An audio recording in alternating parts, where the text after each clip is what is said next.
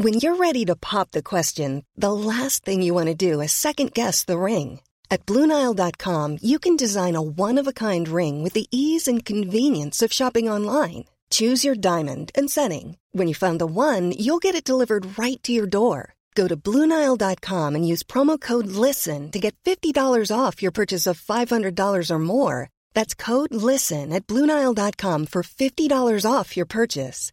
Bluenile.com code LISTEN.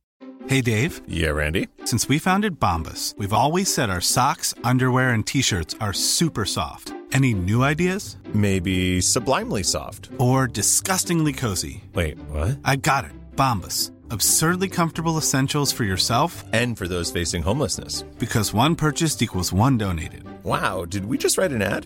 Yes. Bombas. Big comfort for everyone. Go to bombas.com slash ACAST and use code ACAST for 20% off your first purchase. Presseetikken er i stadig endring. Nok en gang foreslås endringer i selvmordsparagrafen. Hvorfor er det nødvendig? Og ektefølte unnskyldninger er evig aktuelt i media.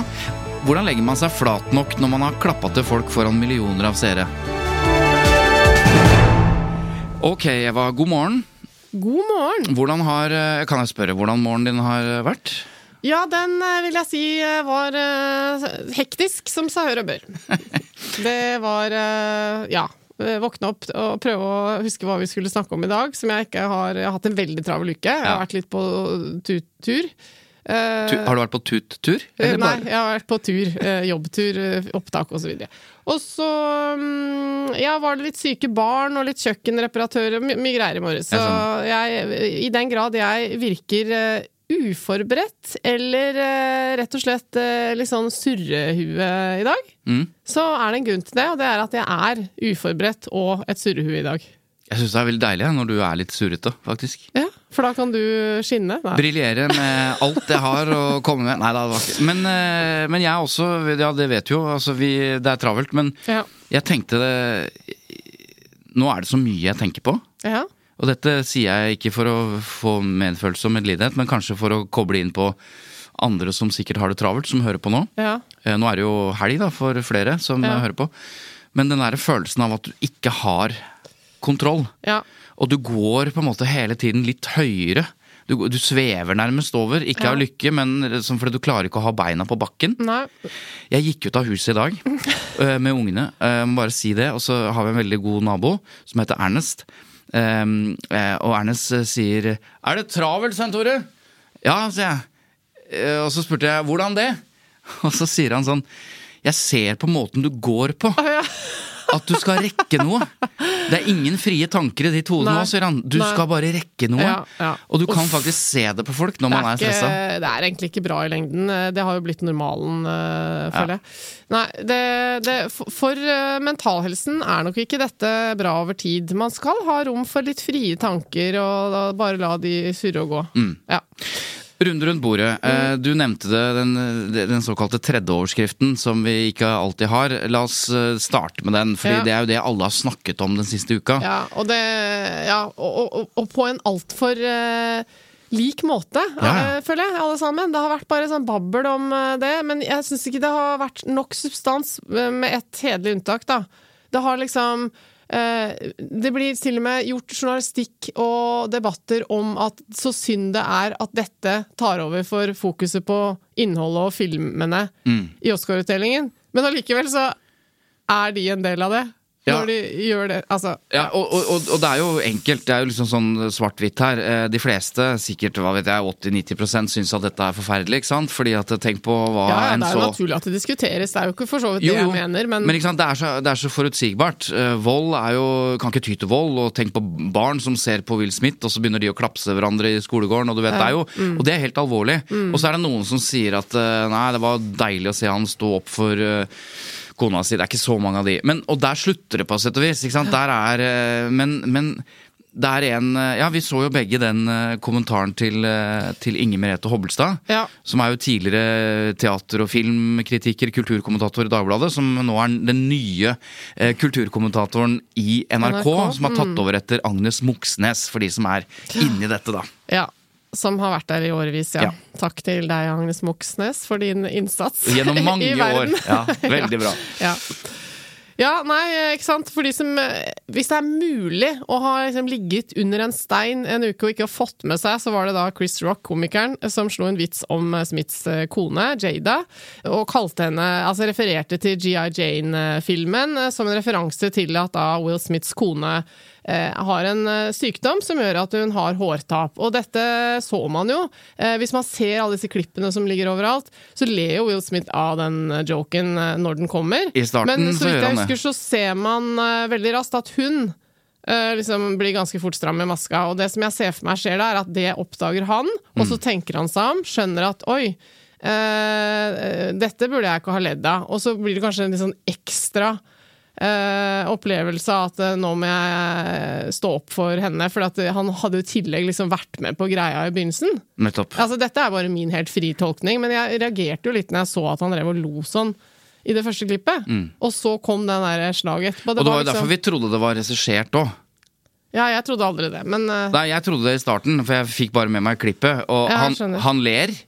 Og det neste vi ser, er at han går litt sånn henslengt opp på scenen. Chris Rock står der Ja, sånn, ja. eh, Mm. og, og tror at det er en spøk, han òg, helt til han Ja. får seg en midt i fleisen. Men ok, så, men det er denne kommentaren som jo setter dette i et, et litt annet lys, i hvert fall. Men i hvert fall som Hovstad skriver, ikke sant? han mista fullstendig herredømme over seg selv, og hvordan kunne det skje? Eh, og hun mener da, jeg syns det er veldig fint observert, at eh, noe av svaret finnes i eh, Smiths egen selvbiografi som kom ut i fjor høst. Den heter bare Will. Eh, og der skriver han i, eh, i første kapittel at eh, jeg har alltid sett meg selv som en feiging. De fleste av barndomsminnene mine handler om at jeg er redd. På den ene eller den andre måten. Redd for andre barn, redd for å bli såret eller ydmyket, redd for å bli sett på som svak. Men mest av alt var jeg redd for faren min. Og så forteller han om en episode fra han var ni år gammel, hvor han så faren slå moren, og at det har hengt ved han eh, i mange år, altså egentlig hele livet. Den kjipe følelsen av å ikke ha klart å stå opp for sin mor når hun ble slått eh, forderva, nærmest. Eh, så, og som et utgangspunkt for å tolke hans reaksjon nå, så er jo det utrolig mye mer interessant enn at man bare liksom nå dreit han seg ut, eh, endelig altså, Det blir så grunn, den der eh, samtalen som de fleste har hatt rundt dette, hvor alle plutselig er eksperter på om det er sånn eller sånn. Men at det faktisk kan være en sånn dyp psykologisk grunn til at man ser en bare fucke opp så fullstendig på ti sekunder. Og Og, da jeg kan jo til og med forstå det. Altså, det er derfor jeg sier det med at eh, først lo han, så ser han kona. For det er veldig lett med det i bakteppet som, som eh, nå er blitt påpekt. da. Mm. Å forstå at man kanskje får en ekstra behov for å liksom Faen, nå dreit jeg meg ut. Nå må jeg i hvert fall ordne opp. Ja, jeg syns dette det var så viktig, og jeg har ikke lest denne biografien. De fleste har jo ikke det. Og der er det jo kudos til um, kulturkommentatorer som er beleste, som, som kan sette dette i en ramme, som kan si ja, men dette er jo jeg har jo lest denne biografien! Og så kommer denne kommentaren, og så får vi litt bredere perspektiv. Ja. Så dette er, dette er pressen øh, på sitt beste. Godt observert, Hobbelstad. Eh, jo, altså eh, Jeg har jo lagt merke til eh, Eller du, forresten. Ja. Dette går jo rett inn i altså For nå, det som har skjedd nå, er jo at uh, den ene etter den andre har lagt seg flat. Altså primært Ja. uh, Will Smith, da. Ja, og ikke sant? Det, det, det er bra du kom på, for at det, det er jo interessant. Vi har jo i noen episoder bakover nå snakka om dette. Hvordan unnskylder man seg når man blir tatt for å gjøre noe dårlig? Og skal man legge seg flat, hva er strategien? Alt dette her handler jo om kommunikasjon. Og nå fikk vi jammen et eksempel på Litt sånn skoleeksempel, kanskje, på hvordan det skal gjøres. Fra Will Smith. For han eh, la seg rett og slett paddeflat og gjorde det man skulle. Det tok jo litt tid, da. Så det, det rakk jo å komme en god del spekulasjoner før, eh, før han kom med sin eh, uforbeholdne beklagelse. Ja. På Instagram, var det vel? Ja, og de, Vi trenger ikke å lese den, men de som vil, kan jo se unnskyldningen der. Den er ektefølt. Den er, altså, den er helt på merket, sånn som unnskyldningen skal være. Men Ja. det jeg la merke til, var at før den kom, så var han jo på festen. ja. på, på Oscar-festen. Han ble tatt bilde av video hvor han var i topp humør. Ja. Altså Først så gråt han og hadde en Ja, eller eller han annen hadde noen anledninger. Ikke sant? Han hadde Ja. først en takketale hvor Der han, sa forklarte noe, seg ikke- ja. litt uh, Der han jo ikke hadde kommet til det punktet hvor han hadde lagt seg flat. Han, prøvde, han gråt jo og prøvde å forklare et eller annet Mm. om at eh, stå opp for hverandre og knytte det til den filmen som har fått Oscar for osv. Mm. Uh, men så var han jo i topphumør og dansa med Oscar-statuetten over hodet, og det så ikke ut som han eh, Nei. var så veldig opptatt av dette lenger. Eh, men det er klart, det er jo også kanskje menneskelig, da. Så, så kom We'll deal unnskyldningen. with this tomorrow. we'll deal with this tomorrow. Så kommer den unnskyldningen. Og da har vi Vi har jo veldig observante lyttere. og vi fikk et tips om liksom den ultimate unnskyldningen. Ja, det gjorde vi. Eh, Fra eh, Gjermund Stenberg Eriksen, tidligere gjest i den podkasten, som driver uh, popkorn og, eh, Ja. Mm. og politikk. Og han henviste til en av mine favorittfilmer. Ja, det er Mine nydelig. absolutte favorittfilmer, kanskje bare slått av eh, Groundhog Day. Så kommer da 90-tallsfilmen A Fish Called Wanda. Med John Cleese og Jamie Lee Curtis og Kevin Klein. Og der er det en, en scene hvor Kevin Klein eh, han blir jo veldig fornærma gjennom hele filmen, og han krever en unnskyldning. La oss bare høre på dette klippet. Scumbag, fuckface, dickhead, asshole! How very interesting. You're a true Bulgarian, aren't you? You're the Bulgarian, you fuck! Now apologize! What, uh, me to you? Og her kommer jo da den ultimate, perfekte, uforbeholdne unnskyldningen. Ja, for Først så skjønner han ikke hvorfor Han er ikke interessert i å gi den unnskyldningen. Nei. Men plutselig så kommer den. I apologize unreservedly. You take it back. I do. I offer a complete and utter retraction. The imputation was totally without basis in fact and was in no way fair comment and was motivated purely by malice. And I deeply regret any distress that my comments may have caused you or your family. Og så videre og så videre. Og det som, eh, det som eh, kanskje eh, en del lyttere husker fra denne scenen, er jo at det som skjer i klippet, når, han- når man plutselig blir litt overraska over at han snur om og, og kommer med den uforbeholdne unnskyldningen, Snur om. Snur om, er at Hæ? Snur om. Ja, at han fysisk faktisk snur om og da henger ut av vinduet og blir holdt i beina når denne unnskyldningen gis. Det er veldig morsomt. Ja. Vi Så- kan legge ut klippet fra YouTube for de som har lyst til å kikke på det igjen. Gøy. En annen ting eh, jeg har tenkt mye på, som jeg vet du har tenkt mye på, det er at det jo faktisk er Scoop-konferanse denne helga. Ja. Eh, Det er da Stiftelsen for kritisk og undersøkende presse, Scoop. eh, Og det er da 600-700 journalister, eh, de som, primært de som driver med gravende journalistikk, undersøkende journalistikk, som skal eh, på en sånn faglig konferanse. Masse foredrag, masse diskusjoner, masse debatt. Og som kulminerer da i en stor festmiddag, prisutdeling, hvor selveste Scoop-prisen skal deles ut. Da får du pris for gravejournalistikk. Ja, og det, det er en metodepris, så Mm. det betyr at du får pris for eh, For det skrives jo masse metoderapporter hvor du viser hvordan du har kommet fram til dette, hvordan du har drevet journalistikken. Så det er en pris for eh, hvordan eh, Eller for metode, da. Ja, og det, Du har jo sagt eh, ved flere anledninger at eh, dette er eh, for spesielt interesserte lyttere av Tut og Medikjør, så er dette, disse metoderapportene egentlig skikkelig god lektyre. Altså på sengekanten. Det er veldig interessant, og det er det virkelig. Men det som eh, er litt ekstra gøy i år, er at de har lagd en eh, liten podkastserie som vi kan eh, legge ut lenke til. Mm. hvor noen av disse som står bak metoderapporten og bak gravesakene, legger det fram i litt sånn forenklet format i noen få Ikke, all, ikke alle casene, men noen, da. Så det er fint. De har blitt flinke til å, til å gjøre dette litt lettere tilgjengelig, så det anbefaler jeg absolutt at folk hører på. Mm. Og så skal vi Ja, vi skal på Scoop. vi skal på Scoop fordi vi skal ha en uh, special edition uh, Tutte Medikjør. som antageligvis vil bli en bonusepisode for Ja. dere neste uke. Vi får se hvor introvert uh, Ja. og liksom uh, Ja. eh, Hvordan vi får det til. Men eh, vi skal gjøre vårt beste for å være på hugget, eh, og kanskje vi til og med får huka til oss eh, en av vinnerne i et eh, metodeintervju. Kanskje, Hvem vet? Men det jeg skal også si at det vi skal snakke om litt seinere i denne episoden, nemlig selvmordsparagrafen og forslag til endring av den, er også berørt i nettopp en sånn metoderapport. Ja. For Aftenposten har skrevet artikler om det. Også, og det er jo nettopp i metoderapporten de forteller hvor vanskelig det var å lage disse reportasjene. Så det kommer vi tilbake til. Ja. Det jeg skulle si om Scoop, ja, det var at um, noe vi har diskutert uh, i fjor sommer, da vi lagde denne serien om Utøya, så hadde vi en sånn Utøya-serie om journalistikken der. Og da diskuterte vi jo mye om vi skulle vise eh, eller hvor, om det var riktig å vise disse bildene som ikke er mm. publisert ennå. Mm. spesielt disse bildene tatt av en svensk eh, dokumentarist, en Som var den første som satt i en båt og kjørte rundt hele Riktig. øya før noen andre hadde kommet. eh? Og som har vunnet priser internasjonalt for disse bildene. De er ikke da publisert. Nei. Nå skal disse bildene eh, vises på Scoop. Ja.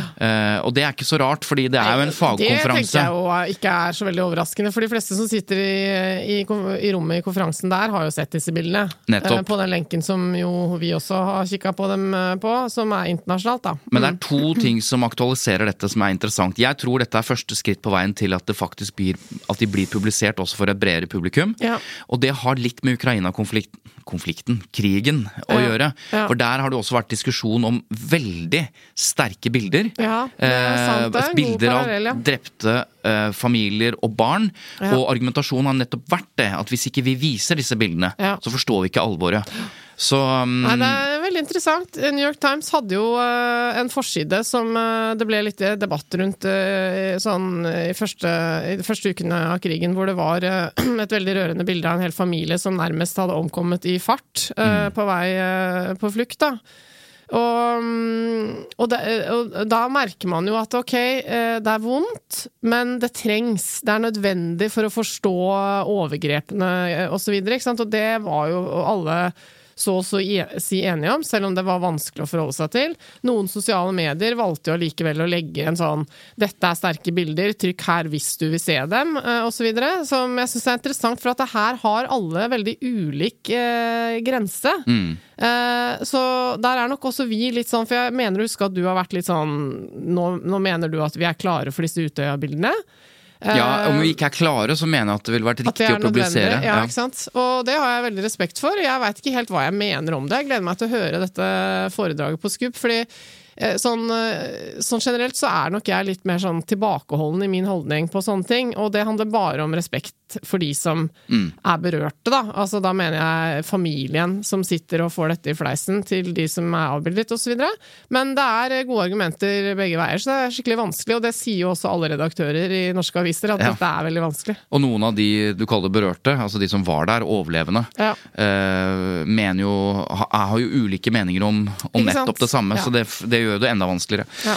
Altså, nå, nå kjenner jeg eh, Denne helgen som vi har foran oss på Scoop, da har jeg jo veldig lyst til å være journalist. Nå skjønner jeg. Altså, Du der- skjønner greiene nå? Der er, eh, der er det så mye bra kilder Mm. til stede, som skal snakke om så mye interessant som alle dere som hører på, hadde elska å høre om. Jeg har bare lyst til å ha med meg et Opptakeren? team. Opp, ja, opptakeren skal jeg ha med Ja, den skal du ha med. Men, eh, men liksom, tenk deg om vi bare kunne lagd Vi kunne lagd et helt år med Tut og mediekjør hvis vi bare satt uh, som, eh, med sånn, som en mygg på Ja, ja.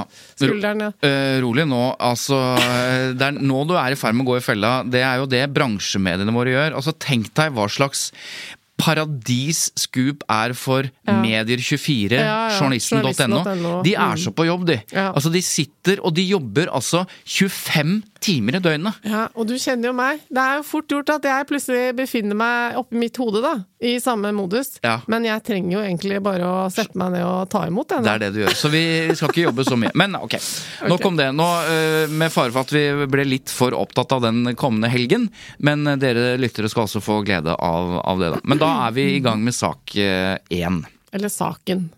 Å, jeg elsker den lille presiseringen der. Ok. Eh, greiene er nå at eh, pressen skal vurdere Vær varsom-plakaten uh, igjen. Altså Det er jo en eh, revisjon av Vær varsom-plakaten på gang. Ja. Dette vet du alt om, for du har vært med på noe av dette før. Ja, da jeg satt i Kildeutvalget, hvor uh, kapittel tre uh, primært ble vurdert, da. Ja. Om liksom forholdet til kildene. Hmm. Og nå er det kapittel to og kapittel fire, noen punkter der, som ønskes vurdert. Og utgangspunktet er at VG og Aftenposten vil at pressen og Vær varsom-plakaten skal revideres på et punkt som handler om sponsing av journalistikk. Jeg har bare lyst til å spørre deg først, Svein Tore. Hva tenker du sånn generelt om revideringer av sånne type regler? På en måte så tenker jeg at det er bra at reglene oppdateres i tråd med vår egen virkelighet. Mm. Men så mener jeg vel også, der har jeg vel egentlig Presseforbundet med meg, at vi må være forsiktige så vi ikke reviderer oss inn i et eller annet som gjør det eh, Eller som gjør at vi hele tiden må revidere. Altså Dette skal jo være et rammeverk, et regelverk, men det skal ikke være så eh, håper å si, eh, så detaljert på alle mulige tenkelige og utenkelige etiske problemstillinger Ja. eh, at det løses ved regelverket i seg selv, eller ved paragrafer i seg selv. Ja. Det må være et rammeverk. Ja. Men, så jeg er litt u... Jeg, jeg vet ikke, det er vanskelig. Mm. Det er som å revidere loven, da. Du skal ikke drive med det i tid og utide heller. Mm. Men nå er det i hvert fall uh, en av disse Lurte, på, lurte ikke på hva jeg mente. Og Eva Sandum, eh, hva tenker du om eh, revidering og stadig revidering av Vær varsom-plakaten? Jeg tenker kom- bare hente meg litt kaffe. jeg bare- Christian, er du eh, ja. Neida, jeg syns du oppsummerte det veldig bra. Jeg er enig. Jeg kan bare legge til at eh, jeg syns det er interessant å tenke på at eh, det, det vi får når vi overhodet ikke reviderer en, eh, en regeltekst, er jo eh, det som fundamentalistene forholder seg til i Koranen. Hvis du skjønner hva jeg mener? Nei, nå må du forklare. Nei, jeg syns det er interessant å tenke på at de, øh, de religiøse reglene våre, altså de som er i skriftene, de er jo skrevet for så sjukt lenge siden. Og noen ganger så kan man jo liksom riste litt på hodet øh, av at folk lever rundt i verden etter regler som da er laget for flere tusen år siden. Sånn, da. Nå Skjønner skjønte du hva jeg det. Ja, nå skjønner så det. er et, altså, og, og da snakker jeg selvfølgelig spesielt om islam, og så er det jo ikke sånn at alltid Og Gamle ja. som noen kristne lever etter fortsatt. du skjønner hva jeg mener. Ja. Og så er det sånn at Hvis man studerer de skriftene, så er det ikke nødvendigvis sånn at de tolkningene som fundamentalistene bruker Men jeg bare tenker at eh, dette er et godt argument for å i hvert fall justere det etter tiden. Riktig. Ja. Da er vi jo Da Og tror jeg vi er selvmord er enige. et godt eksempel på det, fordi der har ting forandret seg litt. Skal vi bare lese den paragrafen sånn som den er i dag? Eh, altså paragrafen 4.9, som omhandler da eh, selvmord. Og der står det Vær varsom med omtale av selvmord og selvmordsforsøk. Unngå omtale som ikke er nødvendig for å oppfylle allmenne informasjonsbehov. Unngå beskrivelse av metode eller andre forhold som kan bidra til å utløse flere selvmordshandlinger. Altså det siste handler om smitteeffektene. Men når denne eh, skal eh, opp igjen, så skyldes det jo litt flere ting. Det skyldes jo at eh, dette er Altså, selvmord er et gedigent samfunnsproblem. Og de fleste samfunnsproblem gjør vi jo noe med. Og spesielt viktig er jo medienes rolle i det, å belyse det gjennom ulike, ulike reportasjer og journalistikk. Og det er jo det Aftenposten har gjort nå i en artikkelserie eh, om selvmord, som også kan vinne SKU-prisen, som er meldt inn. Og her er, her er greiene i metoderapporten til den eh, til den artikkelserien, så forklarer de hva som har vært problemet med denne artikkelserien. Altså hvordan, rent metodisk i forhold til presseetikken. Og da er det også en av kildene i denne artikkelserien, en far som mistet sin sønn, som forteller at denne artikkelserien den er kjempeviktig, men, er, men metoderapporten forklarer også hvorfor Vær varsom-plakaten må forandres på dette punktet. Ja, for eh, både denne metoderapporten her, men også historikken i PFU som jeg kjenner, for dette har jeg vært med å behandle veldig mange saker rundt, rundt, eh, viser jo hvor vanskelig det er. fordi at eh, Vær varsom-plakaten pålegger jo eh, pressen å være veldig varsom i omtale av selvmord og selvmordsforsøk, og spesielt metodebeskrivelser eh, rundt selvmord. Eh, Men så ønsker de jo samtidig eh, å ta et samfunnsansvar og sette det på dagsorden. Fordi vi vet nå, mer og mer ettersom årene går, eh, hvor preventiv effekt det også kan ha at det omtales, når det omtales riktig. Og spesielt handler jo det om at man hører om folk som har hatt selvmordstanker, kjent på det å ikke ville leve lenger, kommet seg gjennom det, fortelle om hvor vanskelig det var, men hvor bra. ikke sant? At man ser på en måte suksesshistorien også, da. Og så skriver de i metoderapporten, altså de oppdaget noe viktig, at pressen, som du sier, er ofte redd for å ta i selvmord, men vi møtte altså etterlatte som ønsket å snakke, som ønsket mer åpenhet, til tross for at det var tøft å rippe opp i dette eh, tapet, eh, skriver de. Og da skriver da denne faren, for han har skrevet en kronikk i, i journalisten.no om nettopp dette, Og han sier at dagens utgave av Vær varsom-plakaten er jo i strid med det ønsket som Aftenposten har. Der står det nemlig at man skal unngå omtale som ikke er nødvendig for å oppfylle allmenne informasjonsbehov, som vi da leste tidligere. Altså holde tilbake med mindre det er absolutt nødvendig.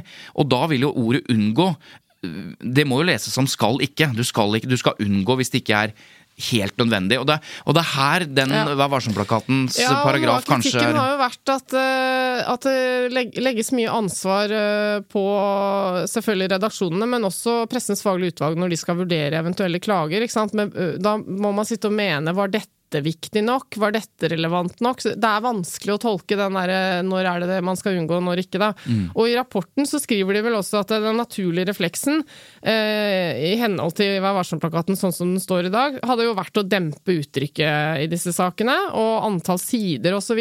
For at det er en del av det, av det å ta ansvar. ja, Vær varsom, vær varsom, unngå. Ja. Eh, og jeg syns jo bare som en parallell eh, Vi kjenner jo alle til eh, alt det som skjedde etter eh, Ari Behns eh, tragiske død. Og det, det er jo det har alle frist i minne. og det er lett å forholde seg til det, for det ble jo da slått stort opp, fikk mye plass, og den hadde alle elementer til vurdering, den Og det, saken. jo, og det skyldes jo blant annet både eh, at det var vanskelig å unngå med et så kjent menneske, men familien var jo også åpne om det fra ja, så starten. den, det er nettopp det. Den er veldig interessant i den sammenhengen, den saken. Mm. Og så syns jeg på en måte konklusjonen til eh, faren, eh, som mistet sønnen sin i denne kronikken, eh, er ganske god, fordi at han sier at selv om Aftenposten har gjort mer enn det Vær varsom-plakaten eh, legger opp til, så mener han at det på ingen måte har vært presseetisk uansvarlig. Tvert imot, skriver han. eh, De har utført et imponerende godt journalistisk håndverk i tråd med god presseskikk, sånn som han ser det. Ja. Og da skal jeg legge til at, at denne faren, eh, som heter Anders Li Brenna, er jo også redaktør eh, i et sånt, fag, sånt fagpressen. fagpressen. Eh, eller har vært det. Og, og, og han kjenner jo til presseetikken, og derfor er det jo lettere for han på en måte å gå inn i det. Ja. Eh, og så sier han at, at det heldigvis har vært mye gode journalistikk om, om selvmord, men det er altså til tross for selvmordsparagrafen og ikke på grunn av. Og da, hvis det er riktig, Ja. da er vi modne for en revisjon, da. Ja, Nei, men eh, det har han jo rett i. Det har det vært. Og jeg kan huske bare from the top of my mind altså Det har vært omtale av Lene Marlin som har snakket om dette. Flere kjente profiler har eh, delt eh, ting om selvmordstanker og vanskelige perioder i livet. Eh, Kjendiser da, og artister osv. Som selvfølgelig bidrar til å normalisere dette i stor grad. Vi sitter og ser på TV-programmer eh, hver gang vi møtes, ikke sant? og vi får dette litt mer inn eh, hele tiden nå, på en naturlig måte.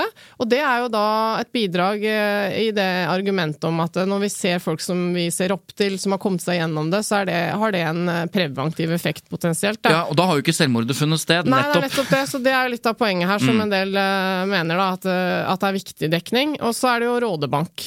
TV-serien. Det er jo for så vidt en del av journalistikken, det også, for det ligger under NRKs eh, liksom eh, Ja, og eneste Oppdrag, forskjellen er at det er fiktivt, ikke sant? Ja, men det har fått veldig mye skryt for å omtale selvmord på en god måte, da. Eh, som, eh, som bidrar til refleksjon og Og når du er i den populærkulturelle referansen, så er det jo mine døtre som var, var tenåringer, eller er, ja, nå er de ikke tenåringer, de er eldre, men de så jo på denne hva heter den Netflix-serien eller den HBO-serien? Den Ja. 13 Ways to Die. Ja, den den, syns jeg var vanskeligere å forholde meg Den til. syns jeg også var vanskelig. Den var så sterk. Og jeg vil jo ikke kritisere på noen som helst måte at den serien ble laget, men den husker jeg tenkte her, den her har jeg ikke lyst til å Mm. servere til barna mine med det første. Men jeg må bare si, eh, ref film. Vi så Dead Poets Society her om dagen eh, Ja. hjemme med familien og barna. Og det er jo en av mine absolutt favorittfilmer. Klassiker? vi om det. Ja. Eh, hva heter den på norsk? Eh, Ja, Det husker jeg ikke i farten. Dagen er din. Ja, ja. Dagen er din. Ja. Uh, og det, jeg hadde glemt i farta at å ja, fader, han tar jo livet av seg, han ene karakteren der. Det er en utrolig trist uh, ting som skjer i filmen. Og så var jeg ikke helt forberedt på dette overfor uh, ungene mine, ikke sant. Men det er jo en del av det som jeg føler nå har blitt litt mer normalt, da. Uh, i, man kanskje sammenligna med for 10-15 år siden, hvor man bare hadde litt berøringsangst for temaet, selv om Nettopp. dette var en film som er gammel. Men Så jeg merker bare- jo da på kidsa Ja. at de, de har et veldig naturlig forhold til dette nå. Mm. Uh, dette å snakke om selvmord og så videre, og det overrasker meg litt. Det, liksom, det har skjedd mye, rett og slett. Som et malapropos, Robin Williams, skuespilleren, spiller jo den Dead Poet Society, Ja. som endte opp med å ta livet sitt. Sant det. Ja. Mm. Jeg har bare lyst til å, helt avslutningsvis, eh, siden det er smitteeffekten man er mest bekymret for, sånn som vi leser selvmordsparagrafen, så er det jo sånn at jeg tror at den smitteeffekten er mye større eh, i miljøer enn den er, hvis du skjønner, fra media og ned til Eh, altså Uavhengig av mediene, da, så, så eksisterer det en smitteeffekt. Jeg eh, var eh, helt i starten på å diskutere et bokprosjekt med noen som, opp, som var vokst opp i en liten bygd i Norge. Og det som skjedde på 90-tallet i den bygda, det var, dette er ikke beskrevet i verken i media, som følge kanskje av selvmordsparagrafen, og heller ikke i annen sammenheng. Men det som skjedde i den bygda, var at det var helt vanvittig mange. Altså, alt er relativt, men i en liten bygd så var det vanvittig mange i, innenfor et liksom, kort tidsrom som tok livet av seg i den bygda. Altså I forhold til statistikken, da, det er, jo, det er jo veldig mange som tar livet av seg, men det, altså, den sprengte alle statistikker. Det var mange unge i det samme miljøet som endte opp med å ta livet sitt. Og det åpenbart var en smitteeffekt i, i et miljø. Og dette var jo ingen som skrev om. Så det var jo ikke media som skapte den smitteeffekten. Den var der og eksisterte øh, og var ikke sant, katastrofalt for dette samfunnet, og, for, selvfølgelig for pårørende og foreldre. Og Det er også en tanke, da. At øh, hadde, en, hadde en omtale av dette, øh, åpenhet rundt dette, kunne forhindret Ja, dette. Det er et veldig godt poeng. Så- og det samme problemet har jo vært rundt Golden Gate Bridge i San Francisco, som har vært et sånt eh, hva skal jeg si, populært eh, sted eh, man går til da, hvis Mm. man har disse planene. Eh, og det har det jo selvfølgelig vært eh, kjennskap til. Og så er det jo nye nå at eh, hvis ikke media tar tak i denne problematikken, så, så blir den jo omtalt i sosiale medier og lukkede grupper og sånn, som jo heller ikke er bra. Så da må jo media bidra med å, med å balansere det litt. Og som noe som jeg syns er litt eh, interessant å høre, at eh, allerede i den første utgaven av Varsom-plakaten fra 1936, så ble også selvmord og selvmordsforsøk eh, nevnt. Da, og da sto det selvmord, selvmordsforsøk og sinnssykdom bør ikke omtales uten i helt ekstraordinære tilfeller. Det var det som sto da. Og så ble, eh, har jo da denne paragrafen som handler om selvmord, den har vært eh, revidert tolv ganger, faktisk. Eh, og, og bare for å legge til det som du snakker om med smitteeffekt fra media For her er det litt farlig. Vi er alle på en måte eksperter og spesialister i tråd med hvordan ting er for tiden rundt dette. Vi har selvfølgelig lov til å mene hva som, smitte, hva som har smitteeffekt og ikke. Men jeg tror det er så ekstra vanskelig når det kommer til selvmord, for at vi som ikke har kjent på selvmordstanker, reelle selvmordstanker.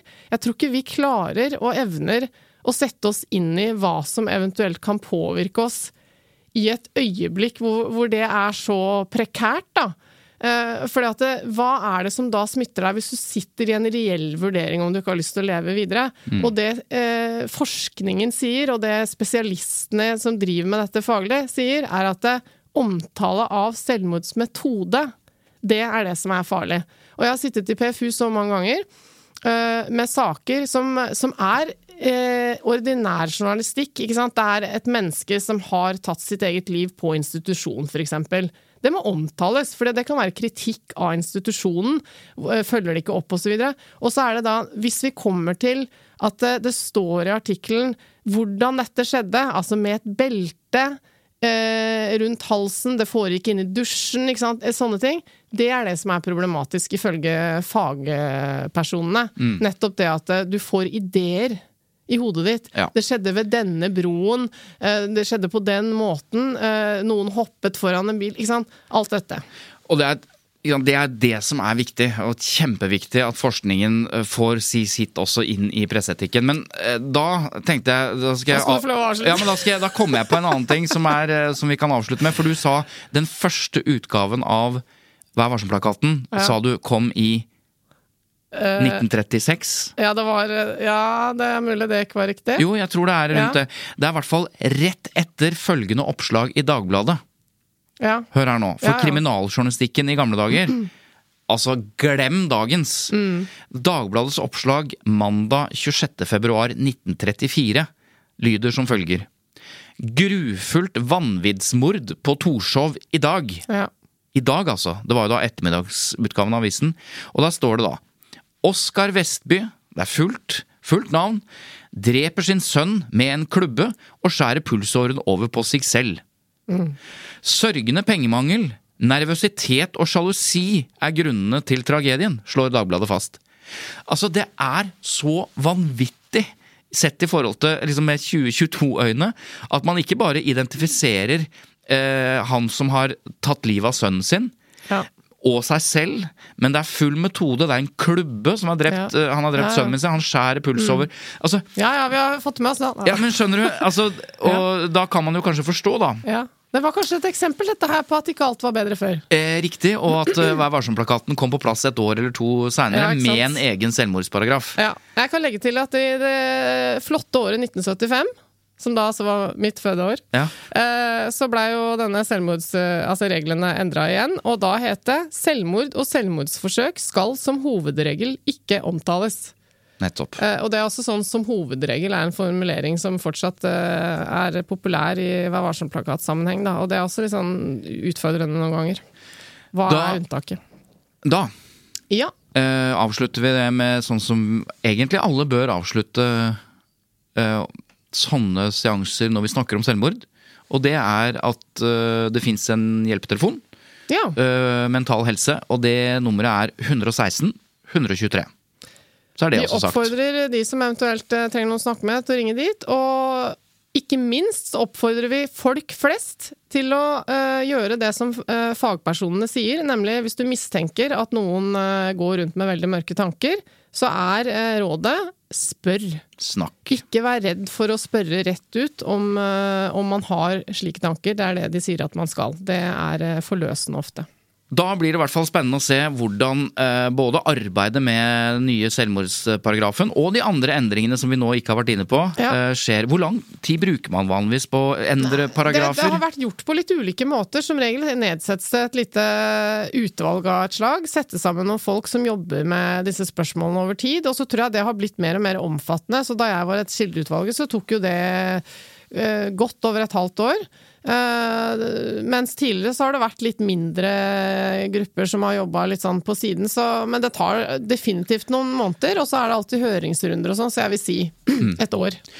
Nå hadde jeg ambisjoner om å se på gå fra liksom uh, veldig god journalistikk til ikke så bra journalistikk, for det har vært et uh, møte i Pressens faglige utvalg Ja. denne uka. Mm. Og det har vært uh, aviser som har blitt felt eh, På, på, overskrifter. Riktig. Ja. På overskrifter, det punktet som Eller heter forside liksom, fra på nettet. Ja. Det er jo det punktet som heter 4-4 i Vær varsom-plakaten, som handler om at det skal være dekning for overskriften i saken. Mm. Det opplever vel er liksom det folk sikkert ofte tenker at det er mest brudd på. Fordi at de jeg opplever at det ikke er dekning for Ja. det de skriver. Jeg Vi blir lurt. Jeg tror leserne, publikum, eh, er nok uh, veldig på dette punktet. At de reagerer på journalistikk som er tendensiøs, som man ofte sier. da, At, eh, at det klikk-horeriet liksom kommer av at det er overskrifter som ikke eh, egentlig stemmer med realiteten osv. Og her er forskjellen. Det er ikke presseetisk brudd hvis du blir lurt til å trykke på en, eh, en, eh, en sak fordi du tenker at det var jo veldig spennende overskrift, og så, og så viser det seg at nei, men det Det var ikke så spennende. Nei, det var bare en bitte liten del av det i saken. Men Ja. da er det dekning for det i Ja, saken. det er det. Og her er forskjellen. Mm. De som har blitt felt nå denne uka her, der er det rett og slett ikke riktig, Nei. det som står i overskriften. For det må være riktig, det som står. Det må eh, være riktig. Kan ikke være liksom, gjort om litt sånn til det virker Nei. litt mer juicy osv. Men eh, jeg tar en sjefsavgjørelse på det, at, eh, at eh, vi snakker om det eh, når vi har satt oss ordentlig godt inn i de sakene. Og så skal vi vi. se virkelig hva som har gått gærent. Men du, jeg har lyst til å, før vi avslutter helt, å bare lese et spørsmål fra Erik til deg, Svein Tore. Ja. Han eh, spør oss I Vær varsom-plakaten står det Gjør klart hva som er faktiske opplysninger, og hva som er kommentarer. Hva betyr egentlig det, og spiller det noen rolle? Det syns jeg er et interessant eh, spørsmål. Ja, jeg skal, jeg skal forsøke å besvare det, og det vil du sikkert også, men litt i lys av eh, Vi har diskutert før at i en publikasjon eller et medie, så er det både objektiv journalistikk og det er kommentarer. Men der er jo det nettopp det skillet som det står i Vær varsom-plakaten at det skal være. Det står kommentar, og så står det journalistikk, eller håper å si, da, da skjønner du at saken er noe annet enn kommentar. Og hvis folk ikke helt er klar over det skillet engang altså at i det hele tatt liksom, Ja, men det er jo VG som skriver det, eller og så videre. Jeg tror det er veldig mange som ikke er så klar over det engang. Men hvorfor er det da viktig? Ja, Hvorfor er skal ikke journalisten som skriver om en bygningssak i kommunen, også skrive hva han mener om den bygningssaken i kommunen når han først er i gang, liksom? Ja, Med noen få unntak så skjer jo det, men aldri i samme sak, i hvert fall. Nei. Nei. Og det, grunnen til det er jo at journalistikken skal, om ikke være nøytral, så skal den være objektiv. Det betyr at i en sak om denne byggesaken, da, hvor politikerne har gjort noe og innbyggerne mener noe annet, så skal begge de synene de skal komme fram. Fakta skal komme fram. Det skal bygges opp sånn at man kan se dette fra flere sider. Det skal være objektivt. Og så må jo de kildene i saken mene så mye de bare vil om det. Men journalisten som forsøker å legge saken fram, hvis han begynner å mene noe om dette, kanskje mener at uh, her har kommunen helt rett, eller noe sånt, så vil jo de som leser saken tenke at ja, men hvis journalisten er på det laget, hvordan kan jeg da vite at han har tatt med alt i saken som er relevant? Der oppstår jo problemet. Og det er jo det som er helt grunnleggende egentlig med journalistikk. ikke sant? At man skal få gjengitt en sak der begge parter høres, og du skal ikke ha noe tydelig sånn tendensiøs mellom linjene eh, antydninger fra han eller hun som har skrevet saken. Men dette er så utrolig komplisert og vanskelig, fordi jeg tror alle vet at journalister mener noe innerst inne. De er masse Eh, mennesker, som de sier av og til. og det skulle bare mangle. Eh, mens eh, det som er vanskelig, er jo at det, når de da mener noe sterkt om en sak som de dekker, så har de fortsatt verktøy, hvis de vil manipulere, til å, å manipulere oss, i kraft av hva velger jeg å dekke? Absolutt. Hva velger jeg å ha med i en sak? Men poenget med objektivitet er i hvert fall at kildene jeg snakker med skal gjengis riktig, de skal settes opp mot hverandre. Hvis noen blir beskyldt for noe, så skal de få lov å forsvare seg mot det, skal få lov å komme med relevante fakta, sånn at saken er balansert. Men dette er jo så utrolig vanskelig nettopp pga. at man allikevel kan velge seg ut ting. Til slutt så handler det om tillit. Ja. Ikke sant? Det handler om at vi må stole på at journalistene har vist fram saken fra begge sider, og ikke mest fra den ene siden fordi han mener det. Men det er jo det øyeblikket han i selve artikkelen også tydelig på at han mener noe. Ja, da blir det et problem. Det er ikke eh, kutyme i pressen, det er ikke lov i henhold til presseetikken Nei. å gjøre det. Unntakene, Men ja. så kommer jo eh, kommentarjournalistene, redaktørene osv. I, eh, i samme avis, ofte med en leder eller en kommentar, eh, hvor de diskuterer denne saken med sterkere meninger. Men det er jo da en annen sak på en annen side i avisa, eller et annet klikk inn, ikke sant. Så Ja. da får du avisas mening. Da får du avisas mening, eller eller, mening. ja, nettopp den Eller et debattinnlegg utenfra. Ja, Og og det er jo derfor eh, du ikke både skal være journalist og så kommentator i samme medium. Ja, da og så fins det noen som er litt begge deler, og det som er vanlig da, er at den journalisten ikke skriver journalistisk om det sakskomplekset som han eller hun da ofte er ute og mener masse om. Og så fins det, da bare for å avslutte dette spørsmålet, det fins jo en type featurejournalistikk, som vi ofte kaller det. Altså som ikke er eh, nyhetsjournalistikk, men du lager f.eks. en reportasje på eh, hvor du selv Om en sak, liksom. Ja, ikke sant? Sånn, Eh, om du- et problem. Eller reiser et til eh, et sted, og det går veldig tydelig fram hva du mener om det stedet eh, i journalistikken din. Og det, det slekter på det som kalles gonzo-journalistikk. At du bruker dine egne Du bruker deg selv i og Mm. Ja, setter og deg selv inn i historien. Det er det jo en del i pressen som eh, reagerer på, som ikke er så glad i, og det er nok litt på grunn av det vi snakker om nå. Og jeg tror det også henger hender igjen fra altså Gonzo-journalistikkens far, som er Hunter S. Thompson. Eh, Det, det han drev med, det var at han blandet også fiksjon og virkelighet. Ja. Du kunne ikke helt stole på om Nei, det som sto der var da riktig. det Så det var en blanding av fakta, fiksjon og egne sterke meninger. Ja. Og han som har gjort noe av det samme i Norge, han heter Herman Willis. Eh, Mm. Og han har også skrevet både featureartikler og bøker der han gjør det på litt samme måte. Og så ser du slektskap i dette, både i Kan jeg få lov til å si at han har sittet på Teddys med å drikke øl? Ja, det er, jo Det kan du få lov til å si. Eh, og Herman Willis, eh, det var ikke så veldig mange andre som har drevet med dette, men du ser avarter i det i noe av featurejournalistikken, blant annet i Dagens Næringsliv. En artikkel i Dagens Næringsliv fikk veldig mye kritikk fordi de kritiserte mitt hjemsted Jevnaker. Fordi Kistefos-museet på Jevnaker ble av New York Times eller noe sånt Ja. beskrevet som 'dette må du bare oppleve'. Ja. Og så dro Dagens Næringslivs eminente journalister til Jevnaker, og Og etterlatte gjorde inntrykk, og etterlatt inntrykk Ja. var du må ikke hit, altså! Nei, her er det stusslig. Ja. Og da går jo på en måte meningen eh, fram i eh, Ja, så Ja. Det, det finnes liksom avarter av dette, da. Ja. Men tilbake igjen til utgangspunktet. Nyhetsjournalistikken, i hvert fall. Da kan du ikke drive og mene noe Men jeg samtidig. synes det er interessant, Nå nevnte du New York Times. Jeg har, eh, jeg har konsumert veldig mye New York Times-journalistikk i det siste etter krigen starta. Jeg syns de har så god dekning eh, av krigen. Og så slår det meg at eh, akkurat der er eh, amerikansk journalistikk, og kanskje da mitt eksempel er eh, fra New York Times, da bedre enn norsk, på et vis, på å gjøre dette skillet her tydelig. Altså, amerikansk journalistikk er veldig sånn Sitater er helt eh, ordrett eh, riktige. Altså, vi har jo en mye friere praksis i Norge rundt det. Vi skal gjengi sitatene riktig, men det er ikke alltid ordrett og sånn. Og det, det slår meg altså når jeg leser eh, denne dekningen eh, fra USA, at det, at det er ikke så De skriver om eh, Ukraina-Russland-krigen og om saker som har skjedd eh, underveis, og reportasjer og artikler og sånn. Og det er veldig objektivt. Altså, det er ingen følelse av at eh, avisa står på noen side i konflikten. Samtidig så skjønner man jo, uten tvil, hvilken side de er på. Men uh, jeg syns det er litt interessant å observere over tid, for der får jo uh, journalistikken i Norge en del kritikk for at man føler at journalistene er sånn aktivister på Ukrainas side. Skjønner du hva jeg mener? Ja. Og man ser det jo også nå, det er blitt litt sånn trend for Zelenskyj holder en tale for alle nasjonalforsamlingene i hele verden omtrent. Og denne uka gjorde han jo også det eh, for Stortinget. Og da også merker man jo at sosiale medier blir fylt opp av, eh, av eh, pressefolk og politikere som er helt sånn fjetret over å ha fått oppleve det øyeblikket. Og det skjønner jeg, så det er ikke noe kritikk, jeg forstår det veldig godt. Jeg hadde sikkert vært helt uh, lik selv hvis jeg var der. Men det er noe med at eh, de som nå sant? Det bidrar jo også til at de som syns at eh, dekningen har slagside, får det veldig bekreftet, da. Fordi alle som representerer pressen, er så innmari sånn tydelige.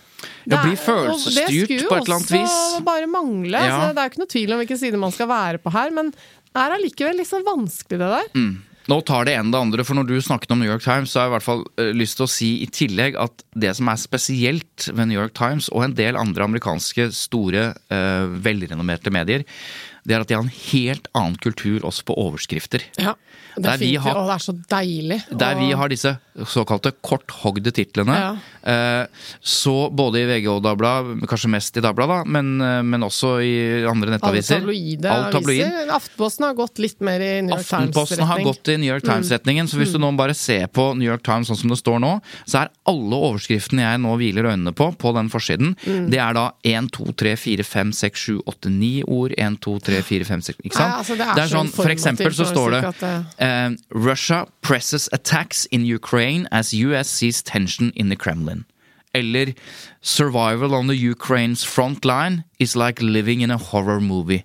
Mm. Altså Det er sånn lange, forklarende titler, og det Ja. Nei, det er veldig befriende. Smak og behag, selvfølgelig. Ja, det, er, det er det som er poenget. Det er smak og behag. For det er jo eh, kre mer krevende journalistikk på et vis. Men eh, de har jo også liksom, litt mer tabloide produkter eh, i apper og på Telegram og sånn, så ja. Er du klar over hva vi har gjort i denne episoden, Eva? Mm, vi har um, vandra oss gjennom en uh, halvveisplan, og nå kommet i mål. Eh, eh, Det tenkte jeg ikke vi skulle avsløre for lytterne, at det er det vi har gjort, men vi har lovet veldig mye.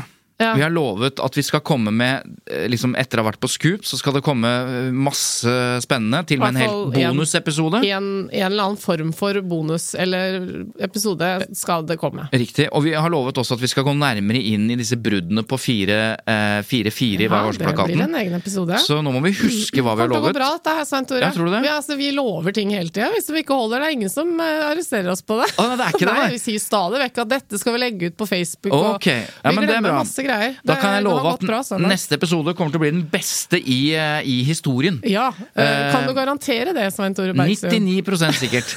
Den er grei. Tusen takk for at du hører på Tut og Mediekjør. Gå inn på der du finner podkaster, og så gir du oss så mange stjerner du bare orker. Og skriv gjerne noe der, så folk Ja, som ikke har hørt opp oss, det- kan like og del og, Like og del. anbefale oss videre. Det er det vi er avhengig av. Takk til eh, Simon som klipper. Takk til Lyder Produksjoner som eh, produserer dette greiene her. Kan Og bare si en ting? Ja. Kan dere si at dere også må dele podkasten med venner, f.eks. Ja, ja, jeg hva- tror jeg sa det var akkurat det altså. Ja. Ja, da hørte jeg ikke det, for jeg gikk akkurat inn Ja, døren. nettopp. jeg skjønner. Driver du og avlytter oss på bakrommet? Er det overvåket podkast? Nei, nei, nei, bare helt rolig. Helt, ikke tenk på det. ikke tenk på det Som sagt, takk til han Christian Marstrander og Lyder Produksjoner for produksjonen av dette her. Ja. Vi sees, noen av eh, oss, eh, på Scoop. Veldig få av oss, da, for jeg regner ikke med at eh, lytterne Ja, våre nå har vi sagt dit. Scoop mange ganger. Ja, det har vi Vi sagt. ja. snakkes i verdensrommet neste uke. Vi høres i hvert fall neste uke. På eteren. Hei så lenge.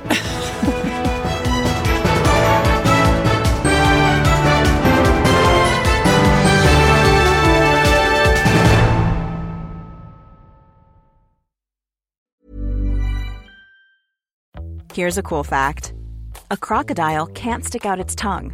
Another cool fact you can get short term health insurance for a month or just under a year in some states. United Healthcare short term insurance plans are designed for people who are between jobs, coming off their parents' plan, or turning a side hustle into a full time gig. Underwritten by Golden Rule Insurance Company, they offer flexible, budget friendly coverage with access to a nationwide network of doctors and hospitals. Get more cool facts about United Healthcare short term plans at uh1.com. When you make decisions for your company, you look for the no brainers. If you have a lot of mailing to do, stamps.com is the ultimate no brainer. Use the stamps.com mobile app to mail everything you need to keep your business running with up to 89% off USPS and UPS. Make the same no brainer decision as over 1 million other businesses with stamps.com. Use code PROGRAM for a special offer. That's stamps.com code PROGRAM.